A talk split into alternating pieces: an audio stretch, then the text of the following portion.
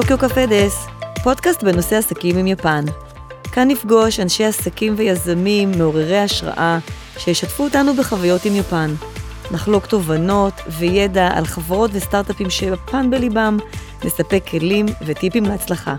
אני ורד פרבר, מתמחה בקשרים עסקיים והשקעות עם יפן, מרצה על התרבות העסקית בארגונים ומאמנת אנשי עסקים להצלחה. בואו נתחיל. היי עמרי. שלום ורד, תודה רבה שהזמנת אותי עוד פעם לדבר על עוד משהו. יואו, איזה כיף, כיף. טוב, נראה לי שאתה תהיה אורח, אה, אורח קבוע אצלנו כאן בפודקאסט. אנחנו אה, מאוד אה, נעים ו, ומעניין לשוחח על כל כך הרבה דברים, אתה כל כך מגוון האמת שיש הרבה מה לדבר איתך. והיום אנחנו רוצים באמת, אה, אנחנו, אני מארחת את עמרי רייס. עמרי יועץ אסטרטגיה ומומחה לשיווק, בעל תואר שני בתקשורת מאוניברסיטת טוקיו.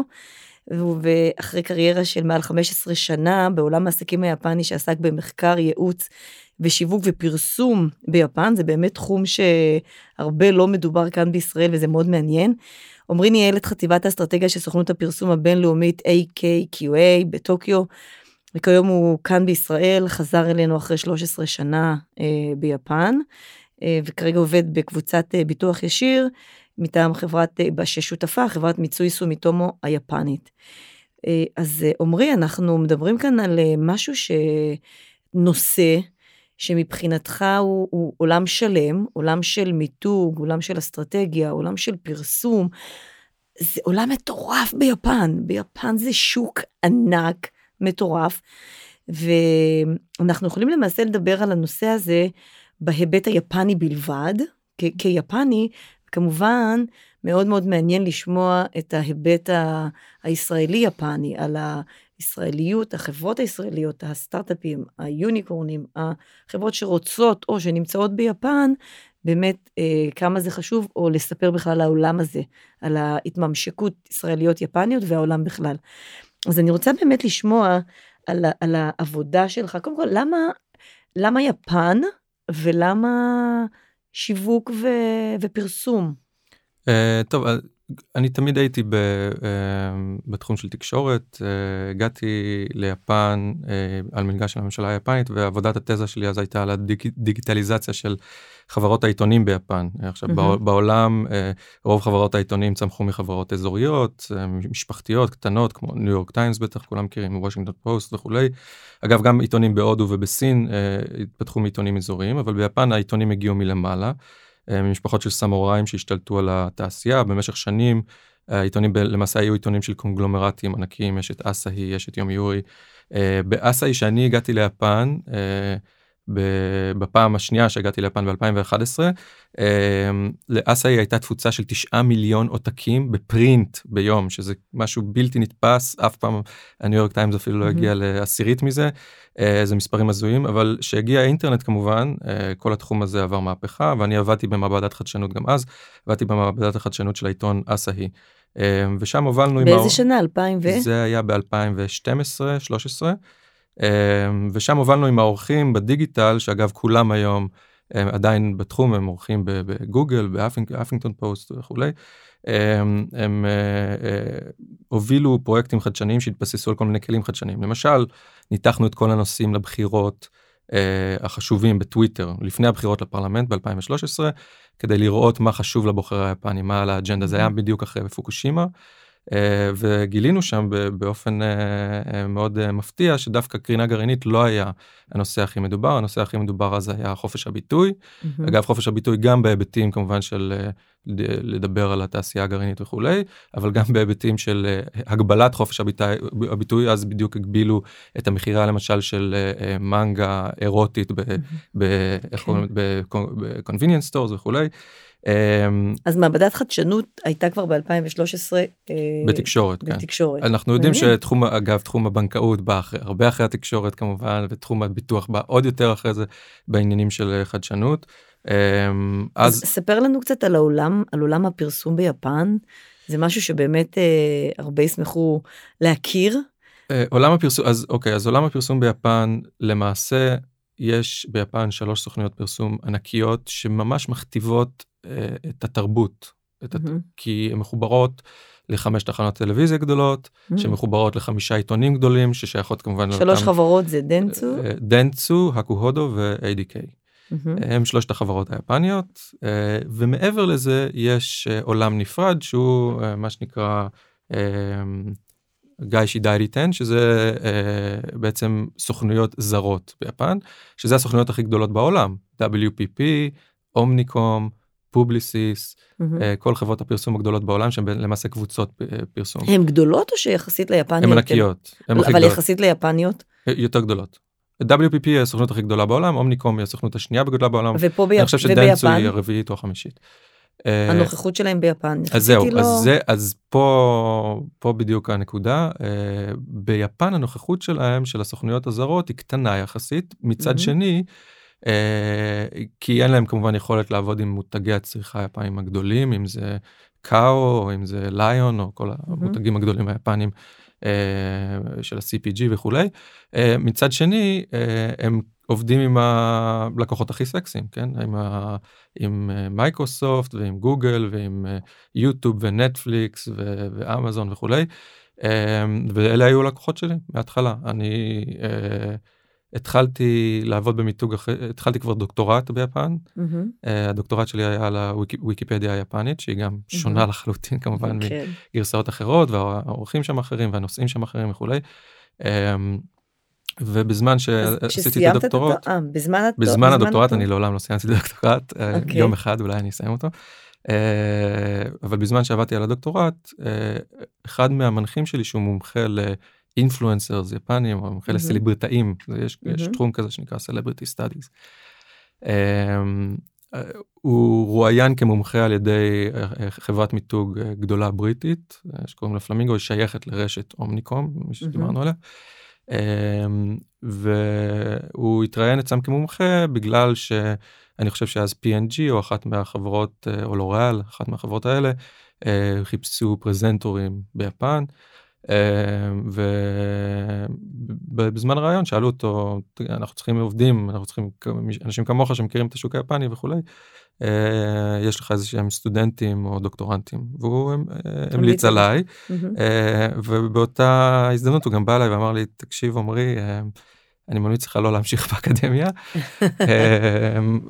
אתה הוא אמר לי "אתה- יכול לה- להמשיך בדוקטורט זיהת אתה- הפוטנציאל. אתה יכול. לעשות את זה אבל אתה אני חושב שיהיה לך עדיף ללכת לתחום העסקי ויש יש שם הרבה פעילות בזה ויש לך מה לתרום שם. אז אה, הלכתי התחלת לעבוד התחלתי באיפה? לעבוד. אמ, ובמהרה גיליתי באמת שרוב הלקוחות שלנו גם בפלמינגו שהייתה חברת מיתוג ואסטרטגיה אה, היו אה, חברות גדולות שהשאלות שלהם היו גדולות שהם נכנסו לשוק היפני עכשיו באותו זמן.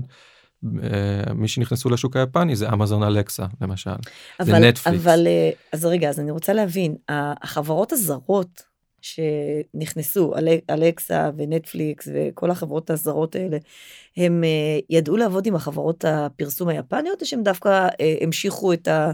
אה, פנו לחברות הזרות כי כי הן זרות מוכרות ידועות ולאו דווקא הצליחו להתברג או להגיע להיות לקוח של יש- חברה יפנית. כמובן שיש קושי גדול בכניסה לשוק היפני גם מבחינת התקשורת לרוב החברות האלה יש הרבה יועצים וספקים. בשלב הראשוני אה, של כניסה לשוק היפני אה, מאוד חשוב צוות בינלאומי. לכל החברות האלה זה חשוב. אגב זה חשוב להם לא רק בגלל יפן שיפן זה איזשהו שוק אה, קשה יותר מדי.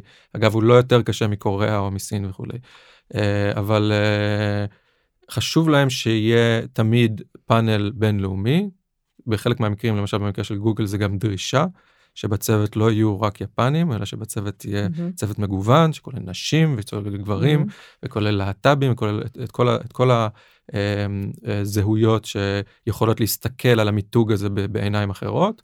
וכמובן שמקדמים מאוד את הגיוון הזה, את ה diversity הזה. היום זה מאוד uh, מדובר. אה, בהחלט, מאוד רקוטן, חשוב. רקוטן לדעתי זה ה... רקוטן כחברה זה המוטו שלה גם לקחת זרים גם דוברי אנגלית וגם נשים. נכון, יש כמה חברות כאלה כן. ביפן, רקוטן, אה, גם, גם, גם יוניקלו אני. חושב mm-hmm, כן. ידוע, ידועה בזה שהיא מתעקשת לדבר באנגלית וכולי. אז אם נדבר על, על לקוח זר שרוצה להיכנס ליפן כמובן שנושא של פרסום ומיתוג הוא משהו אה, אה, שחייב להתקיים עוד בתחילת הדרך. אז חברה זרה נוטה יותר לפנות ל... אה, לחברות היפניות או אה, לזרות ביפן? למה יותר קל? הם תמיד יעדיפו שחקן גלובלי שיש לו טביעת רגל חזקה ביפן. הסוכנות mm-hmm. שאני עבדתי בה היא סוכנות שנייקי הקימה כי היא עבדה איתם במקומות אחרים אז בעצם הלקוח המייסד של הסוכנות הזאת היה נייקי ביפן. זה היה לפני עשר שנים. והם כמובן גייסו אנשים רציניים מענף הפרסום ביפן ויש להם רשת network מספיק טוב ביפן וכמובן כמו שאמרתי זה גם חשוב להם מאוד הקשר למותגים בינלאומיים הדבר הכי חשוב זה consistency. הם רוצים להיות עקביים הם רוצים להיות עקביים בפנים שהם מציגים mm-hmm. ללקוח הם רוצים להיות עקביים בחוויית הלקוח שלהם חוויית השירות שלהם. אבל אבל אני לא מכירה אני לא מכירה חברה.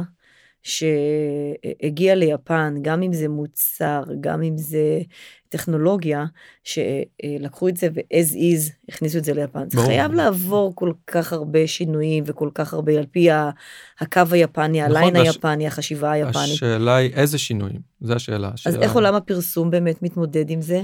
יש יש כמה דברים קודם כל בפלמינגו שזה חברת האסטרטגיה והמיתוג שעשיתי התעסקו הרבה יותר במחקר כלומר יש אה, שאלות למשל שמייקרוסופט uh, עושה עשתה מחקר אז באותה תקופה שהיה על ה-future of the workplace. היום אגב בקורונה שאני אה, השתתפתי במחקר הזה ב-2013 או משהו כזה. Uh, זה, זה בערך חופף למה שאמרנו אז לפני 7-8 שנים אני לא חושב שכאילו זה היה משהו איזושהי הפתעה בשבילם כי זה היה ציפייה. הם כן חזו? אבל בהחלט, בהחלט, הם חזו את העבודה, הם חזו גם את העניין של המטאוורס או וירטואל או באמת לעבוד בסביבה אחרת וכולי. אה, זה היה אז מאוד farfetched אבל בשלבים הראשונים זה היה remote work וזה היה co-working, אה, כל מיני כאלה דברים.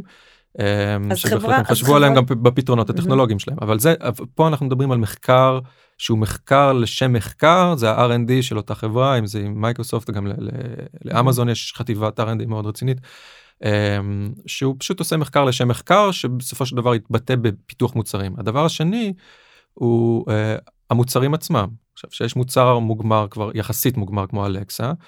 Uh, צריך לעשות בו הרבה מאוד שינויים כדי שהוא יתאים ברור, לשוק היפני. אדפטציה. כן, mm-hmm. בדיוק. אז זה השלב השני, זה גם עניין של מחקר וזה עניין של UX וכולי. אלקסה הצליחה ביפן? Um, אז אני, זה, התמזל מזלי באמת לעבוד על עבודת המחקר המקדימה הזאת לכניסה של אלקסה של uh, ליפן. אני לא חושב שזה uh, שאלקסה מצליחה כמו שהיא מצליחה ב... מדברים uh, את היפנית? מדברים את היפנית בטח בטח. אוקיי. Okay. Uh, אבל המחקר שלנו לפחות למוצר הזה היה מגרש שונה לחלוטין כמובן בארצות הברית וביפן. Uh, מכיוון שבארצות הברית uh, אנשים מבלים יותר בבית הם לא מתביישים uh, אגב כמו הישראלים לשים מוזיקה ברמקול בווליום גבוה הם מבשלים הרבה יותר וכולי. אה, ואלקסה מתבססת על כישורים מסוימים שאמזון בוחרים לקדם גם זה עניין של הפרסום מה ששאלת אה, איזה skills אה, מתוך ה-200 שאלקסה או 500 שאלקסה יודעת איזה skills אתה תבחר לפרסם איזה skills mm-hmm. אתה תבחר כאילו כישורי הדגל שלך לאותו שוק זה זה זה שאלה בפני עצמה. אנחנו שאלנו את עצמנו איך המשפחה היפנית הממוצעת תשתמש או תפיק תועלת מהמכשיר הזה. החלטנו לעשות מחקר אתנוגרפי, מחקר, mm-hmm. זה מחקר מאוד מרתק, ממש ללכת למשפחות, לא רק בטוקיו, בטוקיו, בגונמה, בהיוגו, בקאנסאי, mm-hmm. בכל מיני מקומות, באזורי עיר ובאזורי ספר, ולראות מה הם באמת צריכים. אה, וגילינו תובנות אני חושב מרתקות שעזרו מאוד לאמזון להתמקד הרבה יותר בשיווק שלהם למשל שאת אלקסה האמריקני לרוב יניח במטבח והוא ישתמש בה למתכון או לאיזה פודקאסט. היפנים הבתים היפנים מאופיינים כמובן בשטח קטן יותר ובחללים mm. משותפים יש הרבה חללים משותפים לכן הילדים לא לומדים בחדר שלהם אלא בסלון הרבה פעמים היפנים העדיפו לשים את אלקסה בסלון לתת לילדים ללמוד איתה ככה שכישורים לימודיים אה, ואפליקציות חינוך. יש מתחרה לאלקסה ביפן? Uh, בוודאי יש את גוגל אסיסטנט גוגל. אוקיי גוגל וויס ואם אנחנו לא לא גוגל וויס. גוגל אסיסטנט קוראים לזה כן. אוקיי ויש את סירי כמובן ו... ומי, ומי מוביל uh, בתעשייה הזו ב... uh, ביפן אני חושב שהתחרות היא צמודה בין uh, אלקסה לגוגל. אני חושב שגוגל הם קצת קצת יותר גדולים. זה, זה. זה עניין של גם uh, network effect, כלומר זה עניין של כמה uh, דברים אחרים בבית יש לך, של גוגל כמובן, או אם אתה, גם השימוש ב-iOS למשל, אם זה סירי, כן, השימוש ב-iOS הוא מאוד גבוה ביפן, אבל ביפן יש גם משחק שונה לחלוטין של voice. העניין הזה של voice feedback למשל הוא מאוד uh, חשוב. בטח את יודעת שמכל uh, מדרגות נאות ביפן בא הוראות בvoice מהמם. uh, ומכל uh, תחנת רכבת ובכל מקום בעצם אז voice feedback אבל voice activation או, או באמת העניין הזה של להפעיל את המכשיר עם voice וכולי הוא הרבה פחות. יש עוד עניינים כמובן של נסיעה באוטו מאוד מאוד נמוכה ב- ב- בטוקיו יש רק 25% ממשקי הבית הם בעלי רכבים. Uh, המחוז הידוע במספר הרכבים שלו זה היוג זה, זה גונמה סליחה uh, שבו יש באמת אחוז רכבים גבוה יותר um, אבל זה גם עניין של אורח חיים כלומר באלקסה אני זוכר גם מהמחקר הזה עקרות בית יפניות יש ביפן הרבה משקי בית עם הכנסה יחידה. ובדרך כלל זה הבעל עדיין אז uh, הרבה עקרות בית אהבו להשתמש בכל מיני uh, uh, אפליקציות של רשימות קניות של השוואת מחירים uh, כאלה דברים. Uh, תכנון התכנון של התקציב הביתי זה משהו מאוד מאוד חשוב ביפן. אה, איך הרבה הם פעמים זה עושים את זה? על- על... אה, הרבה פעמים יש שיטה יפנית מאוד אה, ידועה שזה ממש במזומן זה להוציא את הכל במזומן לחלק בין מעטפות יש היום אינפלואנסרים אגב באינסטגרם וכולי שממש מלמדים את השיטה הזאת אני לא זוכר בדיוק את השם שלה אבל זה נהיה אפילו מין כזה דבר מין כזה טרנד בארצות הברית כאילו ללמוד את השיטה היפנית שככה לא מבז- לא מבזבזים ככה אפשר לחסוך. בדומה נגיד למרי קו- מרי קונדו וכאלה קונדו. כן מרי קונדו אה, אז אה, אז למעשה מה שאתה אומר, אני, מה שאני שומעת זה שאין ספק שכל חברה שרוצה לחדור ליפן, תהליך המחקר, תהליך הבדיקה, התכנון הראשוני, כן. לפני התהליך עצמו. כלומר, החברה קיבלה החלטה אסטרטגית להגיע ליפן. הדבר הבא לעשות הוא, על מנת להכיר את השוק היפני, על מנת להתאים אותו, צריך כמובן לעשות איזושהי עבודת מחקר. אני, אני, חלילה, אני לא רוצה חלילה לפגוע באף אחד, אבל אני לא מכירה הרבה חברות ישראליות שבתכנון אסטרטגי בחדירה לשוק מבצעות איזושהי עבודת מחקר. אני חושב שהם נכון אני, אני חושב אבל שהן מגיעות לשם כלומר גם אם תחשבי על, ה- על נטפליקס אנחנו התחלנו עם נטפליקס ביפן אגב ב-2014 ו-2015 שהם לא היו קיימים ביפן. לא היה אף אחד שמשתמש בנטפליקס ביפן את בטח מכירה שהיפנים שהם מאוד מאוד מאוד עסוקים. אה, יש להם מעט מאוד זמן לראות סדרות וסרטים גם כשהם רואים סדרות וסרטים יש להם תופעה מאוד מאוד חזקה של אשמה. הם מרגישים מאוד אשמים שהם יושבים ו- שבזבזו את הזמן הת- התמקדנו בזה הרבה אה, וכמובן יש עניינים של תוכן אה, מאוד מאוד חשובים ביפן אם זה אנימה אה. ואם זה העובדה בכלל שתוכן הוליוודי הוא אה, חלק מאוד מאוד קטן מהשוק אבל אה, אני אני משתמש בנטפליקס פה רק אה, לשם הדוגמה. אה, שחברה מתחילה סטארט-אפ מתחיל הם בדרך כלל עובדים הכל על המוצר הם אומרים זה לפי המשתמשים ולפי השימוש במוצר אנחנו נראה מה קורה ואנחנו אם נראה שהיפנים אוהבים יותר תוכן יפני אז אנחנו נשים להם יותר תוכן כאלה דברים כן. Uh, חסר להם הרבה מאוד uh, הם יש להם הרבה דאטה הם לא יודעים איך לנתח ואיך איזה- להסביר את איזה הדאטה. הזה. חסמים, אתה יכול אה, אה, להגיד איזה חס- חסמים מתמודדות חברות זרות בתהליך אה, המחקר, או ה...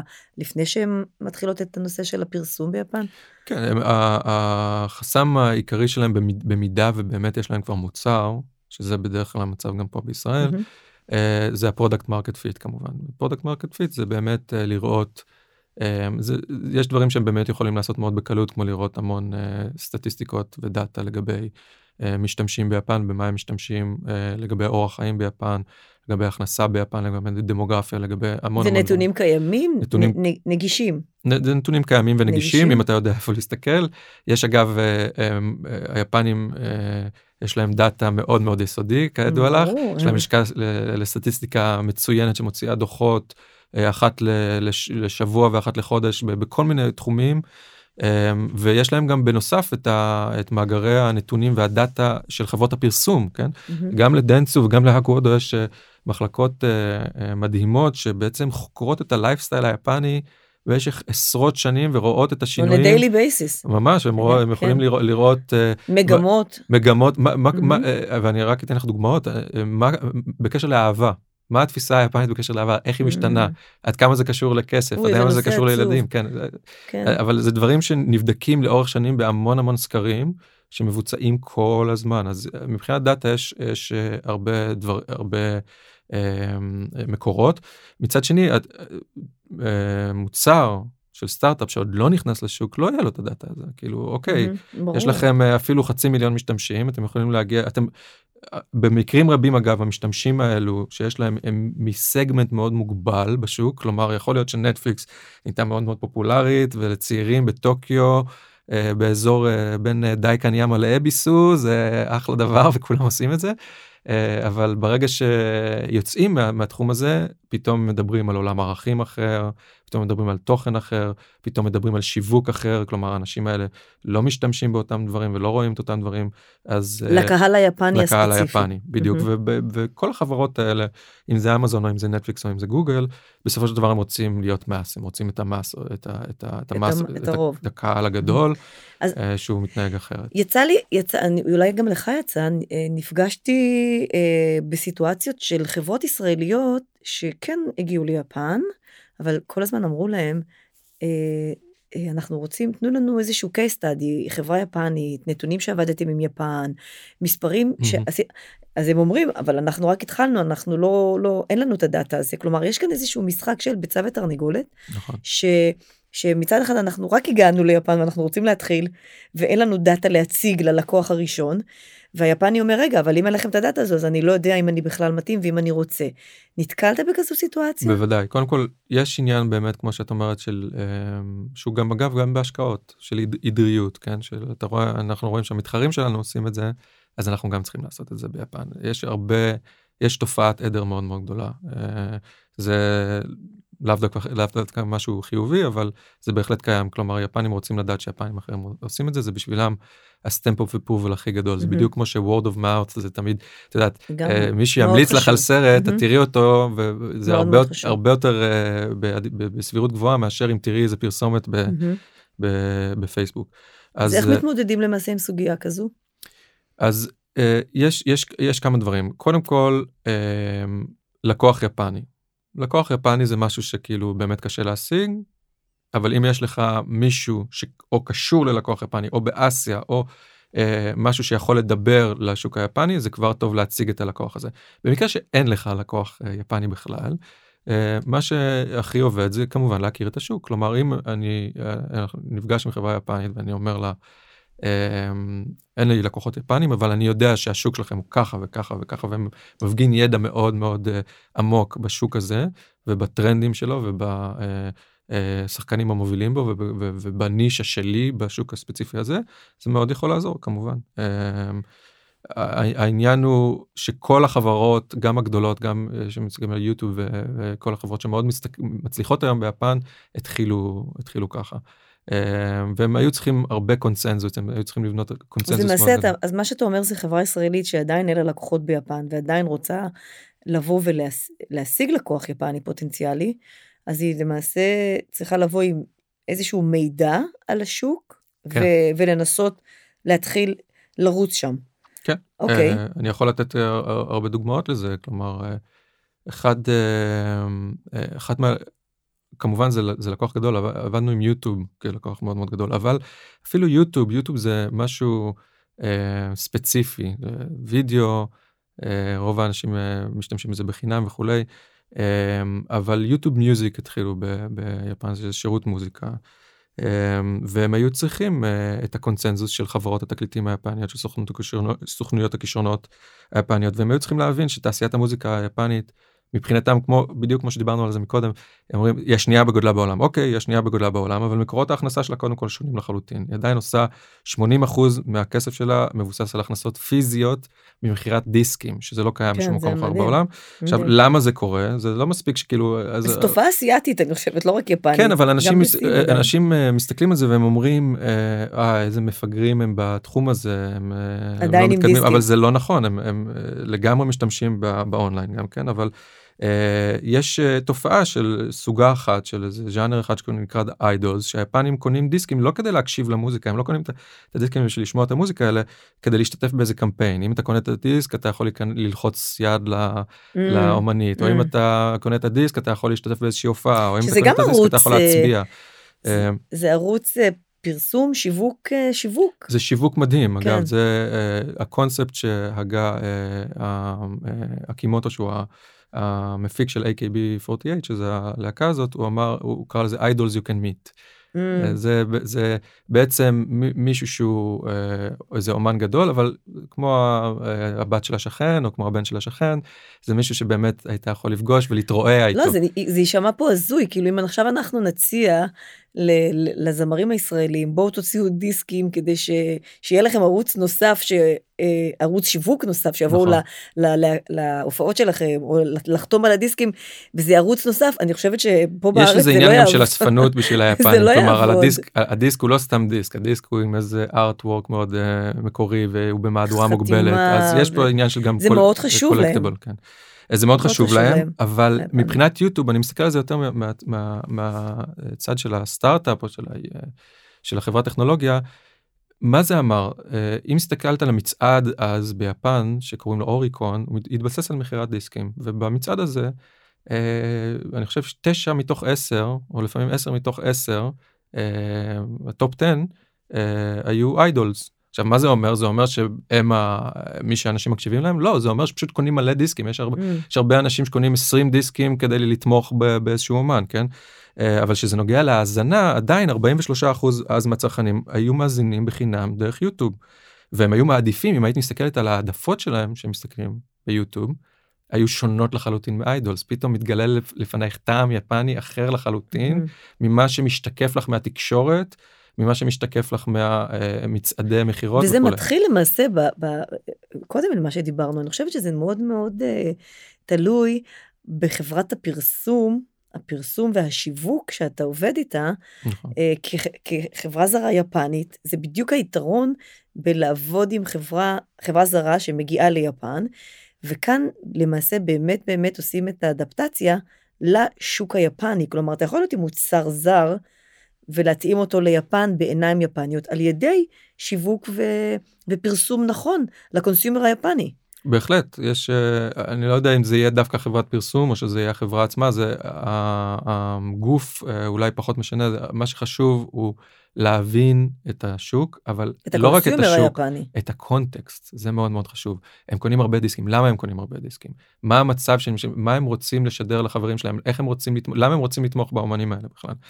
אה, האם זה אה, אה, הקבוצה המרכזית בשוק היפני או שיש פה קבוצה ענקית שלא מיוצגת בכלל mm-hmm. בשוק? שזה בעצם המקרה. הרי יוטיוב מזה הם עשו מצעד. פתאום יש לך מצעד אחר שהוא mm-hmm. המצעד של יוטיוב ואתה רואה שמובילים בו אמנים אחרים ואז אתה מתחיל עם ערוצים רשמיים לאומנים ואז פתאום חברות תקליטים שזה בעצם היה או, או חברות הפקה שמות לב לזה. Mm-hmm. אז למעשה אם אנחנו מדברים על, על, על סטארט-אפים ישראלים.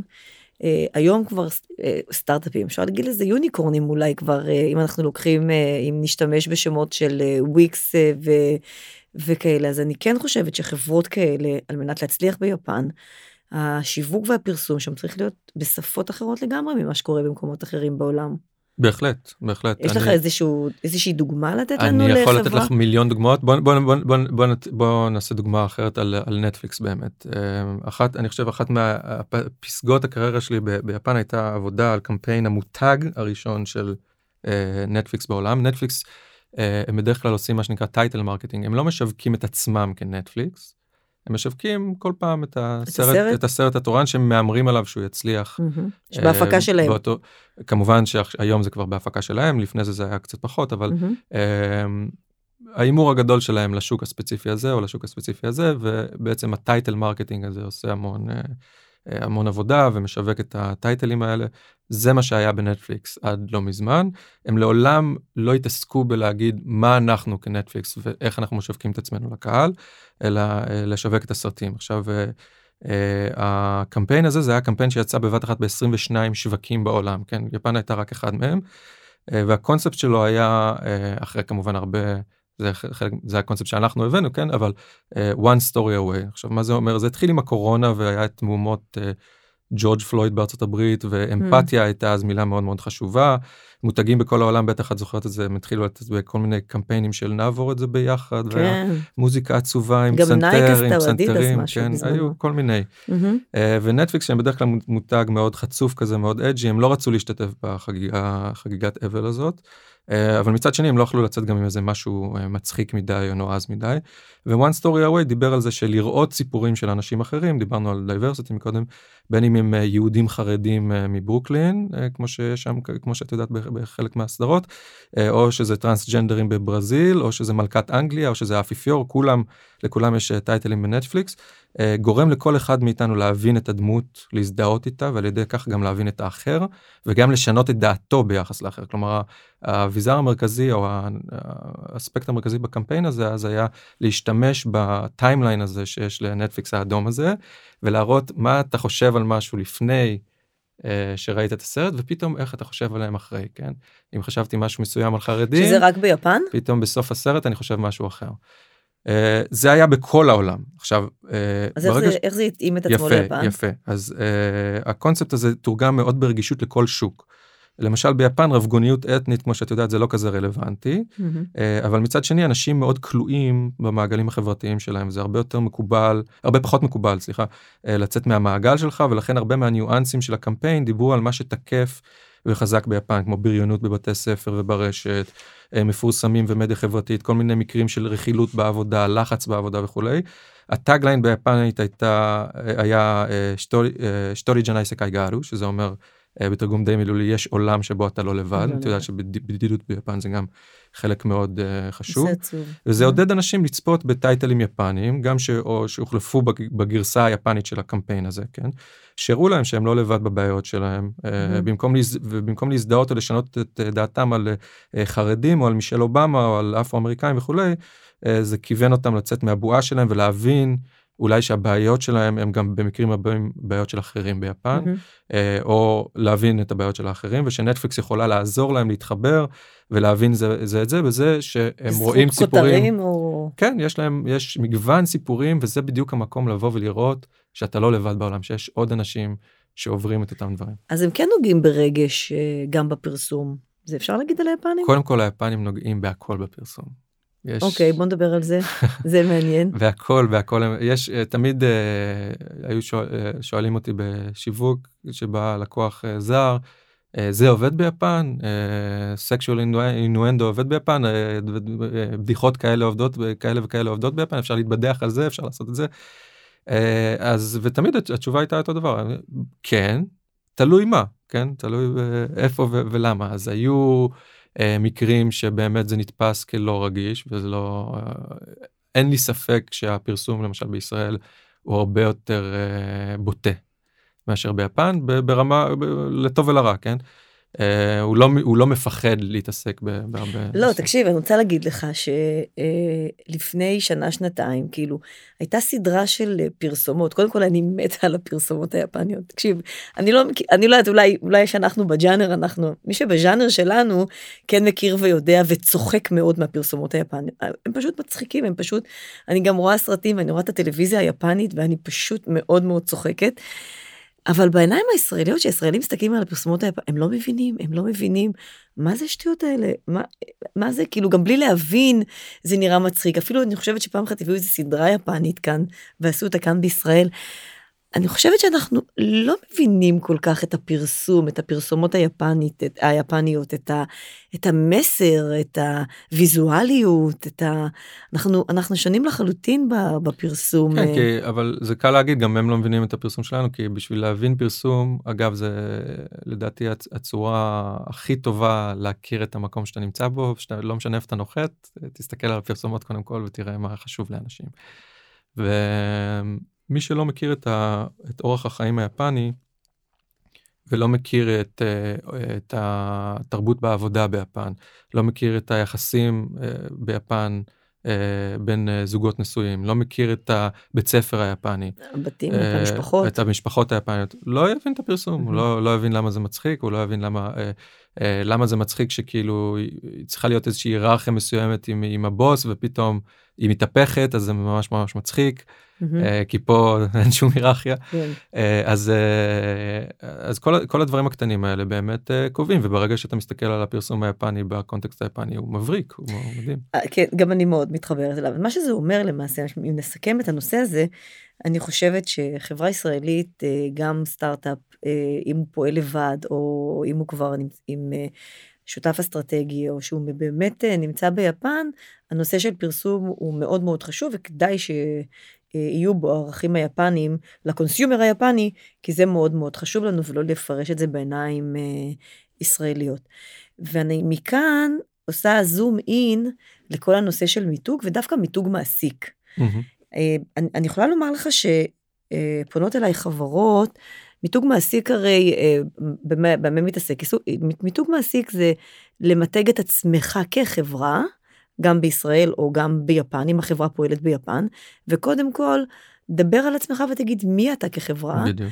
והנושא של מיתוג מעסיק גם בישראל אה, מתחזק וגדל וכבר מושג שמדברים אותו ו, ויש הרבה אפילו in-house שעושים את זה.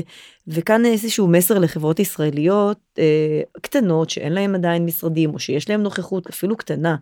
ופונות אליי החברות האלה ואומרות לי ורד נורא קשה לנו לגייס יש לך אפשרות לעזור לנו. אז, כאן יש כאן באמת נושא שחשוב להבהיר אותו לכל חברה ישראלית שפועלת ביפן, הנושא של מיתוג מעסיק ב, אה, בעולם הזה. נכון. אז- אה, קודם כל, אני יכול להגיד לכל הח- אה, החברות שמתקשות לגייס ביפן שהם לא לבד, כן? זה לא עניין של יש מחסור ישראלי. בטאלנטים לגמרי. יפן היא השוק שהכי קשה לגייס בו בעולם בפער.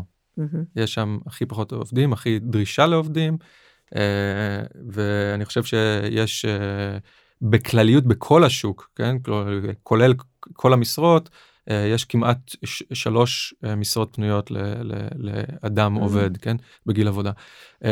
אז קודם כל מבחינת מיתוג המציק, זה מכניס אותך לעולם אחר, זה עולם שבו אנשים יכולים לבחור. ובטח שזה אנשים אנשים מוכשרים ואז אתה מוצא את עצמך בשוק שהוא בדיוק כמו שוק לצרכן בעצם. אה, הצרכן יכול לבחור המון המון מהמם. דברים אה, ופתאום אתה אה, עומד בתחרות מאוד מאוד גדולה על, אה, על אה, גיוס עובדים ואתה צריך להתחיל לייצר שיווק ברמה שכמעט של מי זהה. אתה בכלל לפני לא, אבל שאתה... וגם ברמת אה, תקציבים וברמה שהיא כאילו כבר גדולה אה, שמזכירה שיווק אה, של המוצר שלך כן אה, מהמם. לא להגזים אבל כן, אה, כן, של סכומים. שיווק של מוצרים אה, אה, קטנים יותר אז אה, קודם כל הדבר החשוב אה, שעובר בכלל על עולם המיתוג והפרסום שיכול אה, לעזור גם במיתוג מעסיק הוא purpose כן זה, יש אנחנו היום בעידן שקוראים לו purposeful brands זה עידן שאנשים שופטים ובטח שעובדים שופטים את המותג ואת החברה קודם כל על סמך מה הייעוד שלו בעולם לא רק על סמך כמה כסף אני יכול לקבל ולא רק על סמך זה אה, גם ביפן הם... אה, בוודאי, כן, בוודאי. לא רק אה, על סמך איזה משרדים מדהימים אה, יש להם וכמה שפים מכינים להם לאכול וכולי. אה, ומיתוג זה תהליך אה, זיקוק חשוב מאוד שאני חושב כל חברה עוברת והמהות שלו היא לתמצת בצורה היעילה והפשוטה ביותר את מטרות החברה ואת הייעוד שלה בעולם, את החזון שלה לעתיד. וכמובן את מקומה ב, בעולם של הצרכן, הצרכן ביפן. אה, וזה מאוד חשוב למותגים בינלאומיים שהם מגייסים כי אני חושב שרוב היפנים היום אה, אה, בטח שהיפנים הצעירים אה, הם באים מגיעים מדור אחר שזה מאוד מאוד מאוד מאוד חשוב להם הדור, הדור הצעיר הוא שונה לחלוטין. נכון אה, אז, אז למעשה אנחנו כן, אני, אני כן הייתי, אני כן ממליצה לחברות, גם למי שפונה אליי, שקשה בכלל לגייס ביפן, אז, אז טאלנטים נכון, טאלנטים קשה מאוד לגייס ביפן, טאלנטים דוברי, אנג, דוברי אנגלית זה בכלל משימה על סף הבלתי אפשרית, ו, ויפנים בדרך כלל קשה מאוד, אה, קשה להם להתחבר או אה, להיכנס לחברה שהם לא מזדהים איתה לא רק ברמת הערכים, כמו ברמה של מי אתם. נכון. אה, אה, אה, לא שמענו עליכם, מי אתם, איפה אתם יושבים? כאילו, אז אני חושבת שהנושא של מיתוג מעסיק ביפן הוא נושא מאוד חשוב, אנחנו אולי גם נדבר על זה יותר אה, אה, בהרחבה בהזדמנות, אבל אני חושבת ש, שחברות ישראליות, גם עם יוניקורנים וגם אם זה סטארט-אפ וכל מי שנמצא ביפן, מיתוג מעסיק הוא מאוד מאוד חשוב, גם לשמור על השם שלכם כחברה, וגם כדי שבאמת למשוך אליכם טאלנטים, אה, במידה ותצטרכו אה, לגייס. נכון. אה, היפנים רוצים אה, רוצים חברה קולית, כן? הם אה, מאוד מאוד חשוב. הצעירים. הצעירים, לא, גם המבוגרים, אני חושב שגם המבוגרים. היו הרבה סקרים ביפן למשל מידת המודעות ומידת הדיגיטליות של כל מיני עובדים ודווקא גילו שעובדים יחסית מבוגרים גם בגיל ה-40 הם מאוד מתקדמים הם מאוד מסתכלים על מה שקורה. 40 זה לא מבוגר בו. אה, כן, לא אבל אה, אם את מדברת על אה, גיוס ביפן הרבה מהגיוס נעשה הרי בשלבים מאוד מאוד מוקדמים כי יש תהליך מאוד מסודר של כן, שושוקו קצודו, כן, עד שהם מסיימים את האוניברסיטה, נכון, מסיימים את האוניברסיטה והם עושים, ואז חוטפים אותם, יש להם שנה, לא, אבל יש להם שנה להחליט, יש להם שנה לעבור סצומי קאי, כן, אגב מיתוג מעסיק אם את מדברת על זה, אז למה שלא נתחיל בתהליך הטבעי ליפני, התהליך הטבעי ליפני זה שהוא הולך ושומע כאלה פגישות הסברים ממאה חברות. אה, ואז הוא מחליט to apply לכמה הם לא מכירים לא מכירים את זה ואז מקבל הצעה מכמה ואז בוחר. הם לא מכירים את זה החברות מה שקורה ביפן זה אה, ברגע שמסיימים את האוניברסיטה כן. יש אה, כמו תערוכות כאלה והחברות מגיעות ומציעות לבוגרים נכון. עבודה. נכון. כך זה עובד. ומחלקות ה-HR ביפן הן מאוד מתורגלות בממש לעשות הפקות רציניות ולהראות לבוגרים האלה שכדאי להם מנעד האפשרויות שיש להם בדיוק. בחברה כלומר בואו אלינו בדיוק. כן. אה, ולזה לא משנה מה אתם אוהבים לעשות וכולי אתם נמצא לכם מקום באיטאצ'י ונמצא לכם מקום כן. במיצובישי וכולי. אז אולי פה הזדמנות אולי חברות ישראליות יוכלו גם להצטרף ל... לאירועים האלה. אז זה העניין שרוב החברות הישראליות אני חושב בכלל הזרות שמגייסות ביפן הן לא מגייסות כל כך מהאוניברסיטה הן בדרך כלל מגייסות אנשים עם ניסיון והאנשים עם הניסיון האלה אמורים לגייס את האלה מהאוניברסיטה אבל uh, בהחלט חשוב שהם יבינו את התהליך הזה גם חשוב שהם יבינו שכמו בתהליכים אחרים ביפן המשא ומתן ארוך יותר. Mm-hmm. יש הרבה יותר בדיקה מעמיקה משני הצדדים גם של העובד גם של החברה אה, וההחלטה היא גם יותר אה, היא בעלת מחויבות גבוהה יותר כלומר הטניור ה-average טניור ביפן לעובד הוא ארוך יותר מאשר אוקיי. בישראל אם בעולם כבר מקובל הרבה שמחליפים עבודה כל שנתיים או כל שנה וחצי אה, ביפן הממוצע הזה הוא עדיין הרבה יותר גבוה. יותר, כן.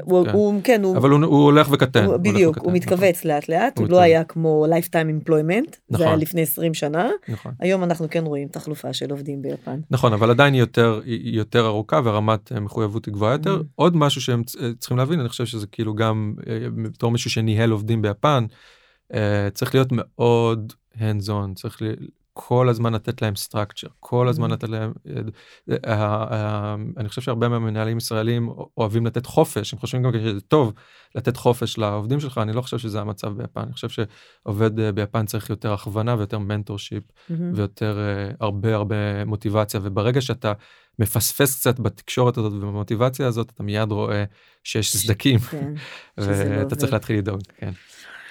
וואו, כן, זה מדהים. טוב, אז, אה, אז אנחנו מדברים, דיברנו על, אה, כן, נורא נורא מעניין הנושא הזה, כל כך הרבה דברים מעניינים שם, מה שקורה ביפן. אני, אז אם אנחנו נסכם את הנושא של אה, פרסום, שיווק, מיתוג, כמובן, חברה זרה שמגיעה ליפן זה חלק בלתי נפרד מכל תהליך אסטרטגי של חדירה לשוק הזה. אני חושבת שיש כאן מהלכים חשובים שצריך לעשות. כן, אני חושבת שמאוד מאוד כדאי לעשות מחקרי שוק לפני שנכנסים, לא להקל ראש. זה עוד אמנם יותר, תקציב יותר גדול, אבל הבול כליאה, ממש לקלוע על ה-consumer needs ביפן, תהיה רלוונטית ונכונה יותר. אה, וטובה יותר. מחקר לה... כזה יכול לעשות פלאים, כן. אה, והוא באמת משנה לחלוטין את הסיכויים של, האסטרטגיה של, של לגמרי, סיכוי הצלחה. להתקבל ביפן. אז, אז הנה, אז יש לנו כאן uh, טיפ חשוב, uh, מי שרוצה את יפן וחברה שלא מכירה את השוק ולא מכירה את הצרכן היפני, אז מוזמן לעשות איזשהו מחקר, כמובן, על ידי כל גוף uh, שיווקי או מיתוגי אחר ביפן, על מנת להצליח. אה, וואו, וואו, וואו, זה כזה מעניין, אנחנו יכולים לשבת ולדבר עוד ועוד ועוד. אז עמרי, המון המון תודה שהגעת אלינו. תודה רבה שאירחת אותי. אני מאמינה שניפגש שוב.